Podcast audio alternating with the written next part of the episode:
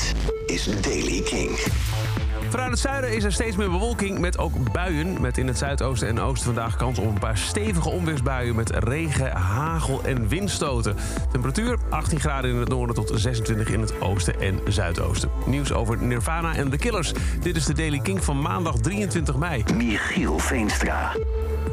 Misschien kun je nog herinneren dat een paar weken geleden in het nieuws was... dat de blauwe gitaar waarmee Kurt Cobain te zien is in de clip van Smells Like Teen Spirit... onder de hamer zou gaan voor een veiling. Het bedrag was ingeschat op 800.000 dollar. Maar de Fender Mustang heeft bijna 5 miljoen euro opgebracht. 5 miljoen dollar, 4,7 miljoen euro. Opbrengst gaat voor een deel naar een instelling die zich bezighoudt met geestelijke gezondheidszorg. Een ander Kurt Cobain item dat bij diezelfde veiling werd verkocht... zijn oude Dodge Dart, bracht 375.000 dollar op. Mocht jij kaart hebben voor Kink Presents The Killers op 4 juli, die is verplaatst. Nou, niet weer twee jaar hoor, zoals met zoveel concerten door corona. Nee, er is uh, een kleine logistieke uitdaging... met als gevolg dat er een kleine twee weken uh, is uh, geschoven.